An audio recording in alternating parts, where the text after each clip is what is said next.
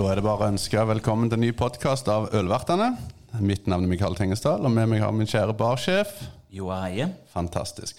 Denne gangen skal vi teste med publikum i salen, så vi er litt spente på hvordan dette går. Men vi har feila og lykkes før, så vi hopper i det. Vi tester et nytt opplegg som heter Vis oss din CV. Og i dag starter vi med veldig ølrelatert. Vi skal ha med oss en som heter Øyvind Tveit. Velkommen. Takk. Jeg har fått oversendt CV-en din. Du er en mann på 31. Det er helt korrekt. Samboer, to barn, bor på Bryne på Jæren. Ja, Plass er alle vekk med nå pga. Erling Braut Haaland. Det er jo helt riktig. Så Kan, kan korrigere alderen litt, men det vi kan, oh, ja. vi kan godt si 31. Det er greit. ja, Det tenkte jo ikke jeg på, for den CV-en er kanskje noen år gammel. Stemmer det. Gammel har du blitt nå, da? 36. Ja, Du så ut som en 30 for meg. Tusen takk. Du, På CV-en din står det at du er blant annet egenskapene er arbeidsvillig, målbevisst, utadvendt, engasjert, eh, snill og positiv. Vi på Melkebarn oppfatter deg som veldig snill og positiv, aldri sur. Og det er det vi skal finne ut i denne CV-en din, om det stemmer. Om jeg er sur? Ja, det òg, men mye av det andre. For i dag så jobber du som bryggerimester for Ryga brygghus. Og da starter vi med det viktige spørsmålet. Er dette drømmejobben din? Ja, 100% sikkert. Da har vi kartlagt drømmejobben din, og da må vi finne veien til drømmejobben din. Og den starter Fra 1997 til 2006 jobbet du på Våland på Bryne. Alle som hører til i vårt distrikt, vet at Våland er en veldig anerkjent ølbutikk. Og da lurer jeg litt, det, Var du i gang mot målet ditt allerede da, eller var bryggeri langt, brygger langt vekke? Da var jeg 13, tror jeg. Nei, jeg var ikke Interessen starta der for drikkevarer generelt. Eh, ikke, ikke bare øl. Som 13-åring? Som 13 Ja, det er på Jæren det skjer. Riktig det. Nei, eh, interessen for drikkevarer starta da. Og vi tok inn og importerte mye forskjellige brus fra USA, og det var ikke så mye på markedet. Så smaka og brus og drikkevarer begynte jeg å interessere meg for der. Og det var en veldig ille jobb, så jeg hadde i ni år, stemmer det? Ja, det, Utfør, utfør skolen, da. Og ja. Ja, så du er ikke rett fra barneskolen inn på Våland og jobbet? Eller iallfall ungdomsskolen. Men eh, det har sikkert mye gøyale erfaringer og opplevelser. Ja, det var det. Det var fantastisk plass å jobbe. Jeg var jo med deg, eller jeg var med i hvert fall en kompis av deg på det eh, 50-årsjubileet eller hva Våland hadde. Og Da følte jeg jo halve bryggeri, hjemmebryggerne i Norge vi har mest jobb på Våland. Ja, det er mange av de. Det er, det er jo en institusjon på Bryne. Ja. Og så har du flytta deg litt videre. For nå har vi i hvert fall kartlagt hvor starten av alkohol var. Den var på Våland. Men du jobbet litt i Bergen når du gikk på BI og tok markedsføring. Yep. Og da jobbet du på de, det største av det største i Norge. Altså du jobbet på Ringnes. Så du, du fortsetter litt i den alkoholen. Men det var vel en, Unnskyld, jeg avbryter deg, men det var salg, det. Det var salg. Det var salg og drikking, ja. Nei, jeg jobbet i Ringnes i, i Stavanger, og så jobbet jeg i Ringnes i Bergen. I et år, vel. Det var også et før skole. Ga det deg mer interesse rundt øl? Det gjorde det. Det er jo Når du jobber i et bryggeri, så blir du jo dratt med på litt festivaler rundt forbi, og smakinger rundt forbi. og Men da er vi fortsatt ennå så tidlig ute at da var det stort sett pils som var det som folk drakk. Det var ikke så mye annet spennende. Ringnes i 2004-2005 hadde de hadde en anerkjent julebukse. Alle har hørt om den Norges beste juleøl. Den, men da var det veldig skummelt for den fleste øldrikkeren i Norge. Det var egentlig det. det var jo, den kom i 1997, tror jeg, den julebukken. Ja, Som et Da fikk de lov til å produsere øl over 6% eller hva det var. Kan stemme det, Mikael? Det var iallfall det første sparket til at de kunne produsere sterkere øl over Ringnes julebukk. ja det tør jeg ikke Det burde vi ha visst. jeg beklager det, men vi stoler på at du har kontroll på den. Ja, men den, den var iallfall Vi ble jo gira på den mens jeg jobbet på Våland og Ringnes. Ja. Men som, som hjemmebrygger og som eh, nå profesjonelle brygger, er det ei øl du kan sette to streker under og ha respekt for at det er bra øl? Ringnes julebukk? ja, det kan jeg. For det er den øla Alle Når vi holder ølsmaking som melkbarn, så er det alltid veldig viktig for mange å kritisere Ringnes. Så sa jeg ja, det var dumt, for jeg tenkte vi skulle smake Ringnes julebukk. Men da dropper vi den. Å nei, den vil smake. Så sa jeg, da var det ikke så galt likevel. Riktig, det er ei fantastisk øl. Så, og den tror jeg Melkebarn, ikke for å snakke av høyt, har flere årganger av til salg. Så kommer når juleølet selges i november. Men ikke bare det med øl, du har gjort mye annet òg. Du har vært heismontør. Det har jeg. Ja, du er utdanna industrimekaniker. Det er jeg òg. det er et yrke som jeg er veldig glad for. Jeg er med meg, og Mye av grunnen for at jeg tok fagbrev som industrimekaniker, var faktisk at jeg ønsket å bli brygger en gang i framtida. Det er helt sant. Men den utdannelsen som markedsføring som du tok i Bergen, føler du at du får noe utbytte av den i dagens situasjon? Nei, egentlig ikke. Nei? Ja, gjerne litt. Sitter igjen med litt av det, men For det skal dere er ha 20 på-. Dere er flinke å markedsføre på Ryker. Det skal dere ha. Takk for det. Men, men du nevner også i CV-en din at du er sportsinteressert. Mm. Du heier sikkert med feil lag, bl.a. Bryne. Men i 2006, så tok du, sikkert når du kom hjem fra Bergen, så tok du et valg å begynne å jobbe på Intersport. Yes. Så du tar litt valg ut av yrket av litt hobbyprega. Og det er jo noe jeg veldig liker sjøl, så jeg har gjort de veiene sjøl. Derfor er jeg bartender i dag. Men jeg, jeg syns det er veldig viktig å jobbe med noe du har hjertet i. Har du hjertet i jobben din, så er det 100 ganger kjekkere å møte opp på jobb. Det er det. Stre stresset blir helt annerledes. Det er ikke, selv om vi jobber mange timer på Ryger, så er det lystbetont. Ja. Var det gøy på Intersport? Der var du vel i et knapt år? Jeg var et knapt år, ja. Der, eh, der var når jeg flytta hjem fra Bergen, så måtte jeg ha noe å gjøre. Ja. Men jeg forstår jo litt valget at det var et år, for i 2006-2008 så sporer du litt på igjen mot det sporet vi bjakter etter. Da begynner du på timestasjon. Yep. En ærverdig bar på Bryne, som veldig mange har hørt om, så vel en institusjon der ute. Eh, og det viser vel litt at du er målbevisst, som du sjøl sa i eh, CV-en din. At du, men du finner òg igjen jobbe seg nært interesse og hjerte. Har du nå begynt å se hjemmebrygging? Har du begynt å nærme deg hjemmebrygging?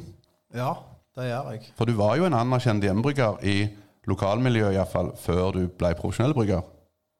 Jeg har drevet mye med hjemmebrygging. Ja. Ja. Det er riktig, det. Uh, hjemmebrygging starta jeg med i Det begynte egentlig da jeg var 18. Da kjøpte farmen og meg et sånn bryggesett som vi skulle lage, men vi lagde det aldri. Da begynte jeg å lese meg opp på det, men så ble det aldri noe av det. Eh, så jeg begynte ikke med hjemmebrygging før, skikkelig før i 2010. Men da var det bare én vei. Det var jo det jeg brukte fritida mi på. Det Ja. Hjemmebrygging. Det er viktig med gode hobbyer. Riktig, det. Meg og Joar har også prøvd oss på hjemmebrygging. Det må vi egentlig ikke snakke så høyt om, for det endte i katastrofe. Joar har en teori at når du driver og brygger øl, så må du drikke hjemmelagde vin. Og det var ikke jeg helt enig i, for det var ikke så veldig godt. Nei, men det, det, det er helt sant. Men det var opplevelser, det òg. Det er mange år siden. det. Men det var, det, vår historie var ikke så bra. Nei, vi endte ikke opp som bryggere. Nei, det tror jeg er best for alle. Men i samme tida, altså i 2006-2007, så hadde du jobbet du også for Mæland Handel. Yes, svigerfar. Ah. Så det, ja, da var det jo et logisk valg. hvis ikke om det var noe annet Mæland på Jæren. Jeg var med og starta, De starta et firma. Så begynte vi å importere vinduer og dører og aluminiumsfasader og glass fra Danmark. Og det var meg og en til. Så starta dette her. Og vi drev det vel i ett Hvor lenge står det der? Ja, det står ca. ett år. Ja. Og i den perioden da så ble vi kjøpt opp av Bartelsen og Garpestad faktisk i Egersund. Og da flytta vi kontor til Egersund. Det er ganske langt fra Bryne, det. Vi var på Vigrestad før. Nå begynner vi sånn Stavanger-holdning at det er langt til Sandnes.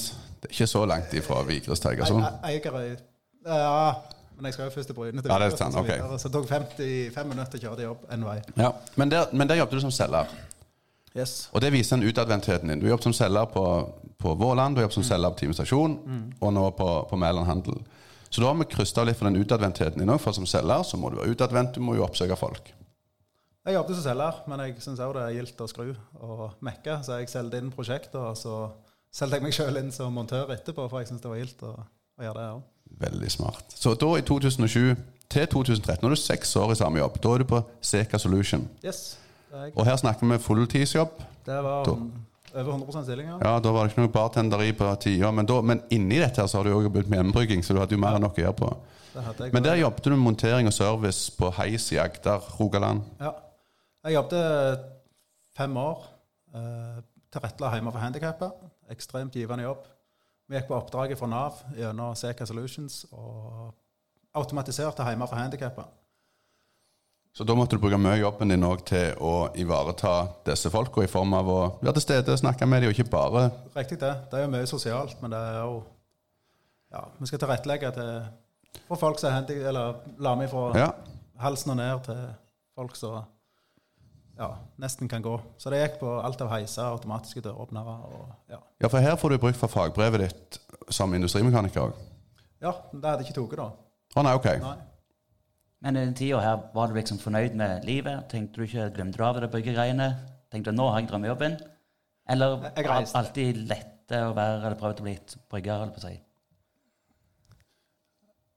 Det var ikke før i 2010 egentlig jeg visste hva jeg ville.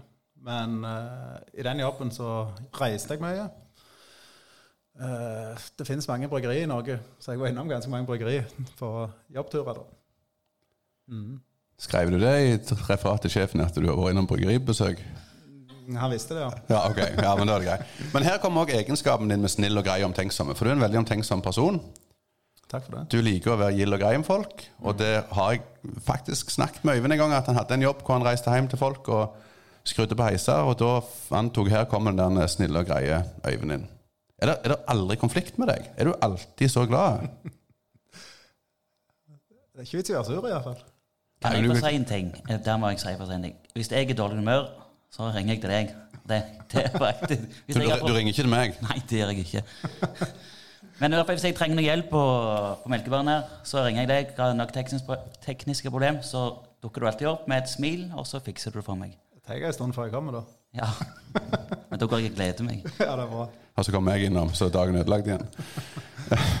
Men så gjør du sånn som resten av Rogaland. I 2013 til 2016 så er du innom JP Well Solutions. Det er jo oljebransjen. Yep. Og da går du i steg og stil med resten av dette fylket. Hvordan, hva gjorde du der, og fikk du nå brukt for utdannelsen? Har du tatt utdannelsen din så langt? Eller venter vi litt til med den? Der tok jeg utdannelsen. Ok. Ja. Eh, jeg har gått på skole, og industrimekaniker kunne jeg utdanne meg så. Og jeg skulle ha unge, og det var på Bryne. Jeg reiste mye i den andre jobben, så da skifta jeg JBL Solution. Det var egentlig ikke noe for meg. Du blir ei brikke i et stort system. Noe jeg ikke Du blir en robot. Det var helt OK, men jeg visste egentlig for etter to uker at dette var ikke min. Plass, plass å være. Men jeg tok fagbrev der og jobbet der i tre år. Ja, Så du fikk to ting ut av det. Du fikk fred i heimen hjemme med at du ble far. Ja. eh, ikke reise så mye, og så fikk du utdannelsen din. Så sånn sett så fikk du mye ut av de tre åra. Det gjorde jeg. Ja. Absolutt. Og da drev jeg veldig aktivt med hjemmebrygging. ja. Og begynte å være med i konkurranser og lignende. Ja. Hvordan begynte du med hjemmebrygging? Nå, du snakket om eh, at faren var med involvert, men når du gikk videre, så ble det vel med kompiser. og ja, det er en som heter Kent Mikael Rossland. Han hadde, vi spilte fotball i lag. Han er jo også ganske kjent innen bryggemiljøet. Vunnet NM tre eller fire ganger. Ja. Uh, han tok meg med etter en fotballtrening. Og vi skulle brygge hjemme hos han. Jeg hadde ikke helt trua på det. Jeg hadde jobbet på Våland og smakt mye forskjellig øl. Og så kom jeg til han, og så fikk jeg bare bakoversveisk fantastisk øl han klarte å lage. Dagen etterpå så bestilte jeg utstyr for 20 000 til hjemmebrygging. Der kommer litt den Øyvind jeg kjenner. Ja. Du går aldri halvveis inn. Eh, og da starta vi. Det var Lars Hesje og, og meg og to andre kompiser. Så tok vel jeg litt mer av enn de.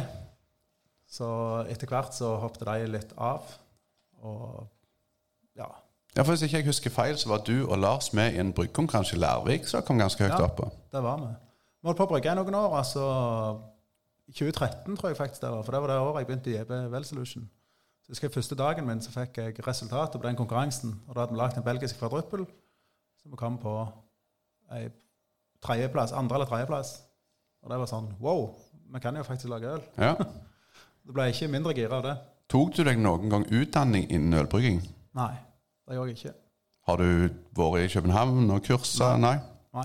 Så alt er sjøllært. Les deg opp og sitt av andre. Ja. Ja? Og jeg skal ikke lyve hvis jeg sier at fra 2010 til dags dato så bruker jeg iallfall to timer av fritida mi til å lese om ølbrygging, teknikker, gjærceller og sånn nerdeting. Så det er noe jeg brenner for. Og det er egentlig bare blitt mer og mer. Det, det er veldig viktig at folk tar vare på interessen sin og utvikler den. Og det har vi jo sett på alt det dere finner på, at det er mye løye dere holder på med. Så, men du hopper, men du hopper iallfall videre fra oljebransjen og hopper over til, til normale bransjer, ikke bare sånn oljebransje som resten av fylket. Nå er jeg litt, nå er jeg ute kjører, for det er jo det vi lever jo av folk som jobber i olje, og mesteparten her sjøl. Men i 2016-2017 så var du tilbake til heis. Ja. igjen. Da er du TK Heis på Kverneland. Og nå nærmer du deg veldig geografisk jobben din. Nå er du mest et steinkast unna. Faktisk Nærbø jeg var. Og På Gamle Underhaug? Ja, Okay. der er heisavdelingene. Ja. Men hovedkontoret er ikke lagt ifra dagens jobb. Men, men hva gjorde at du flytta tilbake? For da var du bare et år på TK Heis. Ja, det var jeg. Jeg eh, hoppet av oljebransjen, for jeg syns Jeg likte det ikke, rett og slett. Nei. Ville ha noe annet å gjøre, og så tenkte jeg ok, de søkte til folk på TKS. Jeg søker der, og så fikk jeg jobben, og jobbet der et år. Ja. Før jeg begynte i Norske Bryggeri. ja, for det er der vi nå ender opp. Vi gikk nå kanskje litt fort gjennom CV-en, men uh, vi vil jo til det vi holder på å jakte etter. Men i 2017 så fylte du hjertet 100% Ja, det gjorde jeg. Du søkte jobb i et bryggeri i Norge. Hva gjorde at du tok det valget for å hoppe videre? At det, Kjente du bare at nå Siden du bare hadde et år i TKS Det, det er noe jeg alltid har hatt lyst til. Å, å drive med brygging på fulltid. For det tar såpass mye av fritida mi at det, det var ille å ha det som jobb. Ja. Jeg søkte på jobben litt sånn Jeg vet ikke hva inngående jeg skal være, men at det var ikke med 100 lyst til å ha jobben at jeg søkte på den. Men Bare for å lukte litt på muligheten? det var å lukte på muligheten. Og kom i jobbintervju. Var egentlig ikke nervøs, for det var ikke en stilling jeg ville ha. Det var pga. sammensetning av folk og ja, hvordan det var bygd opp. Jeg skal ikke gå videre på det. Eh, Så kom jeg videre i neste intervju, og så ble jeg ringt opp og så måtte ned til Arendal på et teknisk intervju med han som bygde opp hele Gjelleråsen, eller Ringnes. Ekstremt flinke mann, som heter Leif Christian Brodkopf. Så var jeg i fire timer med intervju med han, teknisk møte. Og så fikk jeg tilbudt stillingen etterpå. Og da var jeg veldig i tvil, og da snakket jeg mye med deg, Mikael, om dette her er noe jeg skal gjøre eller ikke. Og da sa du at følg hjertet ditt, gjør det. Og da gjorde jeg det. Og jeg angrer ikke ett sekund på at jeg gjorde det heller. Ja, det er bra. Det er vi veldig glad med som liker Ryker. Jeg er veldig glad for at du tok det valget. Men, men det er jo litt tøft å hoppe over i en bransje som ikke akkurat har hatt en lysende framtid. De siste åra har vært ganske tøff for mange mindre bryggeri. Og at du da, med tanke på at du er familiefar, du har regninger som oss andre betaler, og, og tar det valget, det er spenstig og tøft. Det var litt skummelt, det var det. Men ja, jeg angrer ikke. Det, har, det har bare vært en ufattelig gøy reise. Ja. Det har det. Det har vært travel reise, men ekstremt positiv reise. Føler du at du lærer mye i nåværende jobb kontra det du har gjort på de andre jobbene Ja, det gjør jeg. hele tida? Hele veien. For det hører jo til òg med historien eh, at dere er jo blitt medeiere. Er Dere som begynte å jobbe på Ryger, er nå medeiere. Det har kjøpt 26 av Rygga brygghus, og 74 ble eikt av Grans bryggeri i Sandefjord. Ja. Kjempespennende. Jeg lurer på eh, Når du begynte, hva er det, når du fra begynner med til å jobbe til der du er i dag, hva oppturer og nedturer har du? Hvis du vil snakke om nedturer, eller helst oppturer. Fins det nedturer? Ikke for deg, tror jeg. Gjennom hele arbeidslivet, tenker Ja. Er det noe som virkelig har prega deg til der du er i dag? Til der jeg er i dag. Største oppturen var egentlig Våland. Jeg jobbet der i ni år. Og jeg husker jeg sa til Olav Våland, som driver den plassen, i 2015 eller et eller annet sånt, så sa jeg at jeg Han spurte hvordan det gikk, så sa jeg at jeg savner ølbransjen. Det er den plassen jeg ville være. Og der er jeg jo nå. Så jeg vet ikke Nedturer skal ikke snakke negativt om noen bedrifter som jeg jobber på, for jeg har hatt det fint alle plasser jeg har vært. Men nei. Bra. Vi snakker aldri negativt om folk som ikke er der.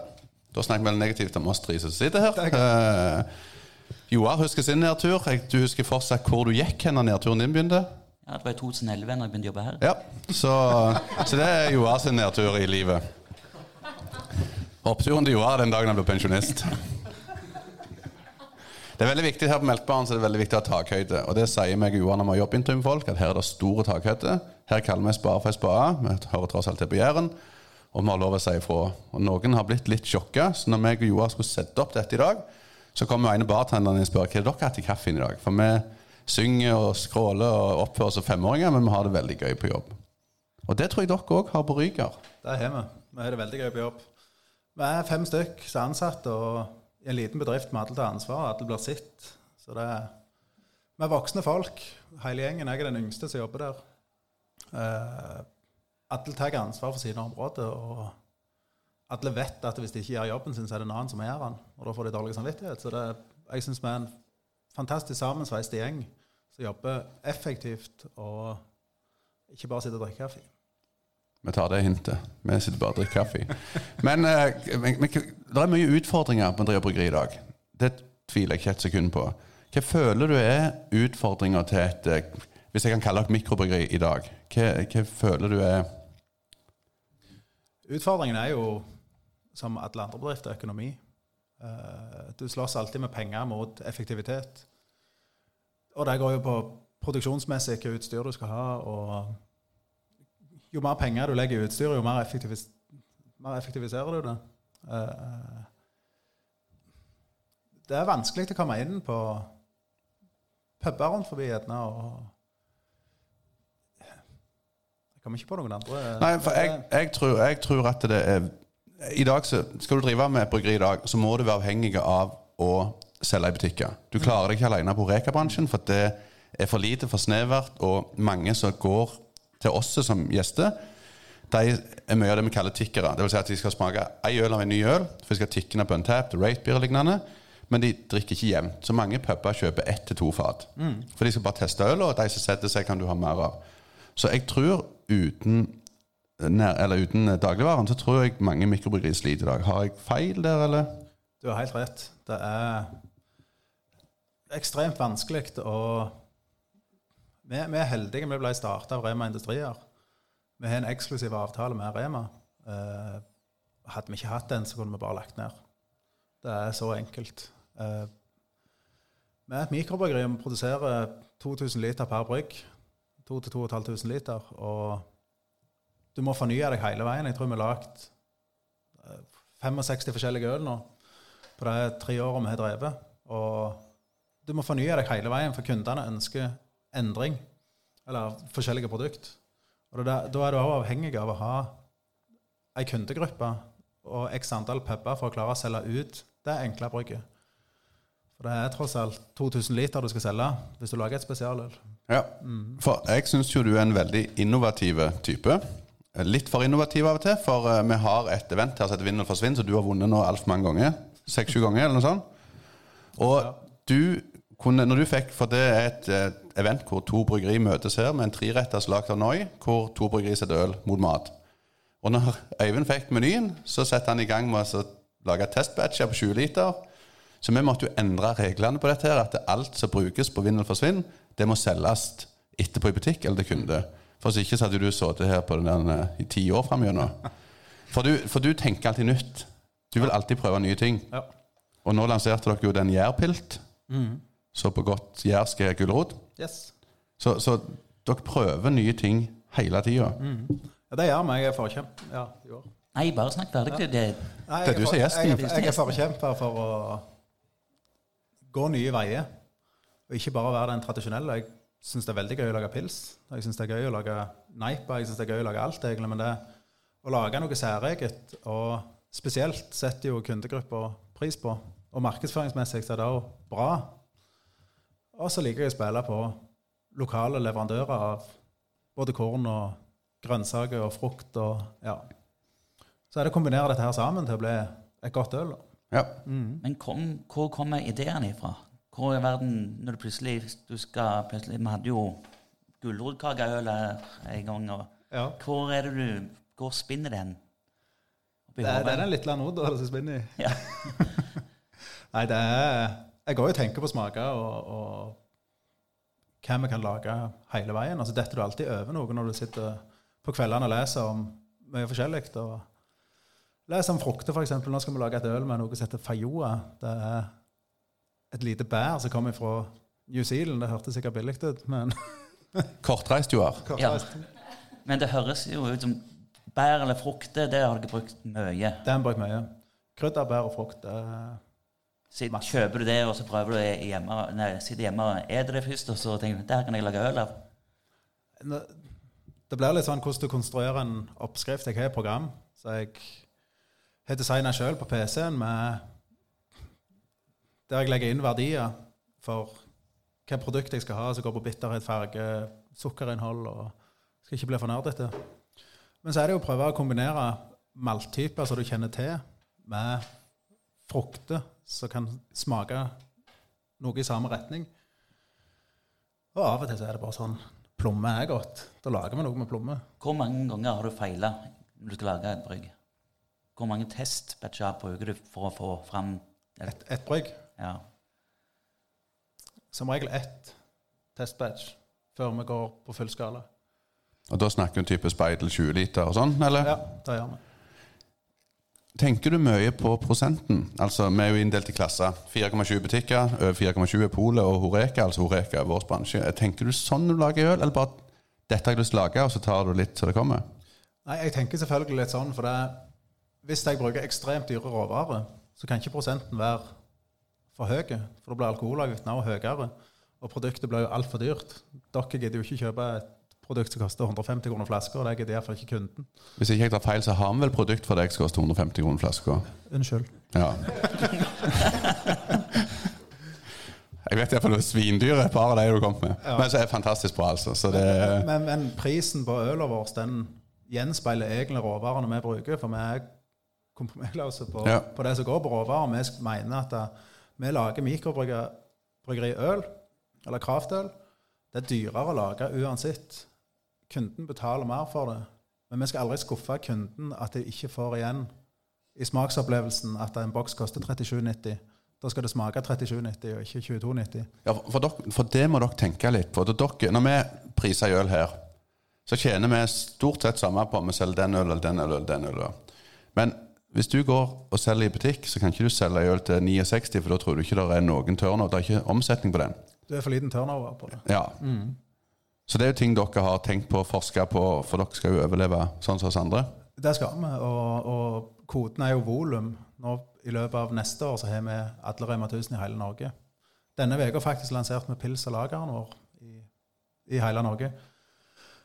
Vi har kun hatt Østland, eller vi har 399 butikker fram til denne uka. Nå har vi 648. Og så skal vi lansere det kraftølet som vi produserer, i litt usikker, men i løpet av mai neste år sannsynligvis.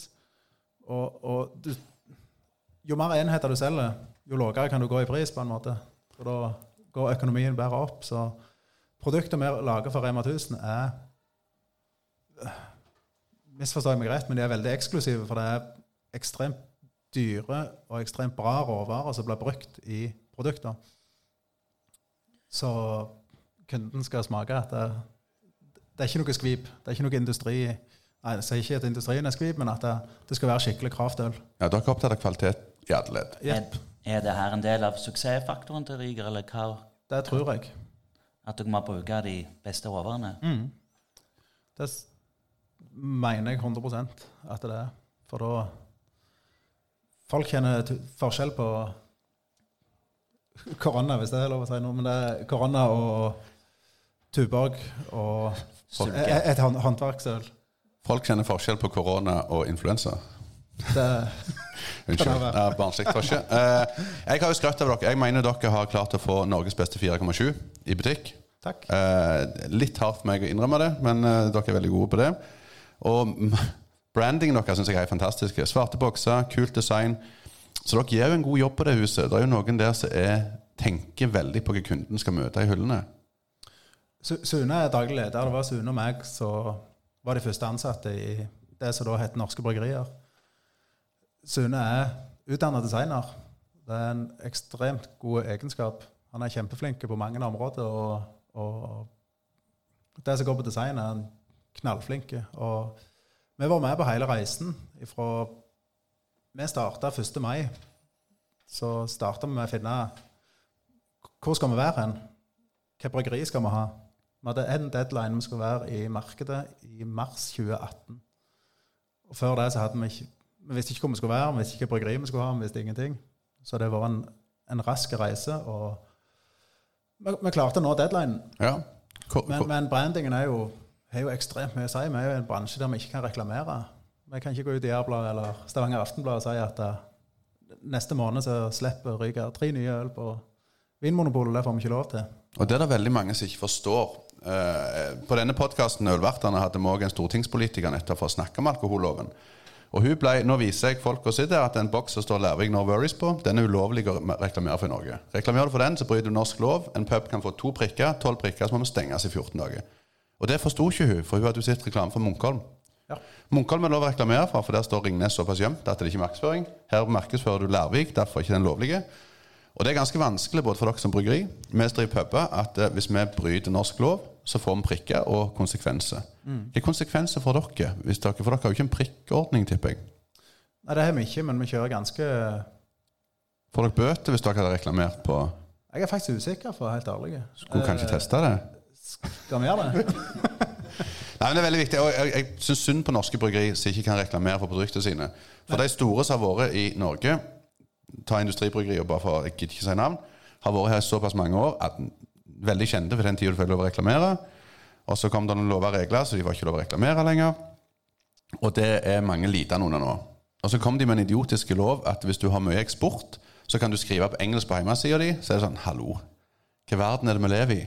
Eksporterer du én boks, så kan du Så hvis jeg starter pub, på engelsk. så hvis jeg starter pub i Spania og tar for et brett av dere, så kan dere skrive på. Ja, Men har dere tenkt på eksport? det ligger nok et par år fram i tid. Ja? Eh, ja, vi har tenkt på det. Vi var, har vært i Vi var i Leeds og hadde en gjennomgang med masse bryggeri der, bare for å se hvordan er markedet. Så det er noe vi er inne på. Men nå lever vi i en sånn litt luksusboble, kaller det. At vi klarer ikke å serve nok til Rema 1000 Og pubene? og pubene. Hilsen en som klagde litt, for han fikk det ølet øl han ville ha sist uke. Beklager, men det er blitt enda. Men i 2025, hvor er dere hen? Jeg vet ikke hva jeg skal svare. Uh, målet vårt er jo at vi skal lage bryggerihistorie, eller ølhistorie i Norge. Det er målet vårt. Det er derfor vi går på jobb hver dag og tenker på det. Uh, jeg håper vi er på eksport. Jeg håper vi fortsetter å levere bra til Rema. Jeg håper vi er på enda mer puber, og at vi har like spennende, eller prøver å være like spennende på ølfronten med, med mye nytt hele veien. Og fortsette din drømmejobb om fem år? Det er jeg sikker på. Et lite spørsmål er bare du som alt med øl, får du noen input av det? Er det noen som kommer og sier til deg eh, nå, Øyvind, nå må du brygge det, eller, eller bestemmer du alt sjøl? Nei, Vi bestemmer det sammen med fem sædbruker. Uh, selvfølgelig kommer masse input.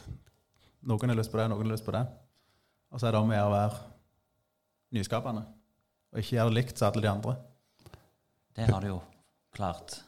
I hvert fall med både surøl og en fantastisk lavprosentøl. Mm. Av den, kanskje den beste IPA Norge, Stavanger. Takk for det. Så, Hus, husker du din første ølopplevelse? Jeg husker min, bare ikke meg vi snakker om, men jeg hadde en sånn opplevelse. Jeg var på Cinema Bryne, og så kom det en tøffing ut fra en Opel Manta, og så tok han heiv den første ølen i veggen, så han den første ølen alltid ringer, så åpna han en ny øl. Og det var min første ølopplevelse jeg faktisk har brunnet seg fast i min netthinne. Hva, er din første ølopplevelse du husker? Det er litt morsomt. Eh, jeg, tror, jeg vet ikke hvor gammel jeg var. Jeg tror jeg var sju eller åtte år. Så hadde far min lettøl. Så smakte jeg på det, og så syntes jeg det var godt. Så da måtte de kjøpe lettøl til meg. Nå, ikke lettøl, alkoholfritt. Ja, så når drakk liten. så når du var 13 på Våland, så var du dreven i dette faget? Nei, jeg var ikke det. Men det er faktisk helt sant. Ja. Uh, Så til alle foreldre der ute, hvis dere har lyst til å få en framtidig brygger, gå og kjøp lettøl til ungene deres. men de slutta med det, for de fant ut at det var ikke så Smart. smart. Du har du, noen, du er jo en trønder, tross alt. Har du noen gode ølopplevelser? Jeg husker det ikke hvis jeg fått det. Nei, jeg husker faktisk ingenting. Nei? Men nå gjelder det jo Jeg vet det. Jeg måtte tenkte jeg skulle inkludere deg òg. Men for, vi må skravle slutte litt. Vi skal holde på en halvtime, og det har vi passert. Og Men jeg har lyst til å stille spørsmål. Men Ja. du snakker så mye. Ja, Du skal holde på nå. Ja, det var det jeg skulle. Nå har jeg gjort det. Hva er hemmeligheten bak et godt øl? Eller det perfekte ølet? Råvare. Enkelt svar. Enkelt svar. Er kortreist Nei, det- der viktig for deg?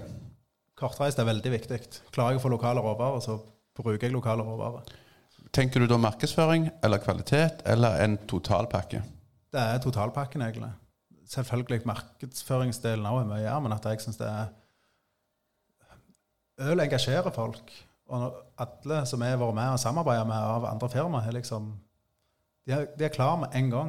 Og det syns jeg er så ufattelig gøy. For at, det- å heller jobbe sammen istedenfor å jobbe mot hverandre. Det er vel også kanskje på den måten du kan markedsføre deg utover, som er på en lovlig måte, at vi bruker lokale råvarer. Ja. Og det er jo sånn du får oppslag i aviser og, og markedsføring, som vi ikke kan gjøre sjøl. Vi kan linke til f.eks. Aftenbladet skriver en sak om oss, så kan vi linke til den på hjemmesida vår. For da er det en andre part som skriver om det. Du får frie midler til å lage det du vil. Din favorittølstil. You name it. Du får bestemme sjøl. Hva brygger du? Største, dyreste, viktigste øl i livet ditt. Hva brygger du? En lambic. Hvis Men det er ekstremt kostbart og trenger lang tid. Ja. Men eh, da måtte jeg hatt hinsides med utstyr og hinsides med penger for å kunne starte med noe sånt. Så innen 2025 hører jeg ja. Jeg liker når folk nøler, for da har de iallfall lyst. Så får vi se om pengene og midlene og alt det der kan Jeg komme. kan, jeg kan garantere ja. Oi, oi, oi. Mye spennende fram gjennom fra Ryger. Det er ingen spørsmål fra salen. Det er iallfall ingenting som har tikket inn. Jeg har sittet på telefonen. Eh, har du jo mer spørsmål å komme med? Nei, jeg hadde jo et par spørsmål, men de ble jo fortalt før jeg eh, stilte de, holdt på å si. Ja. Så jeg er Har vi, har vi glemt noe om deg? Er det noe du har lyst til å tilføre av livet ditt som vi har oversikt i den CV-en din? Nei, jeg tror du klarte å dekke det. Ja, veldig bra. Nei, men med det så takker vi for at du stilte opp på denne podkasten. I like måte. Så ønsker vi alle lykke til der ute òg. Ta og Gå inn og så rate oss. Ølvertene er podkasten vi er på. Og da ønsker vi alle en riktig god helg.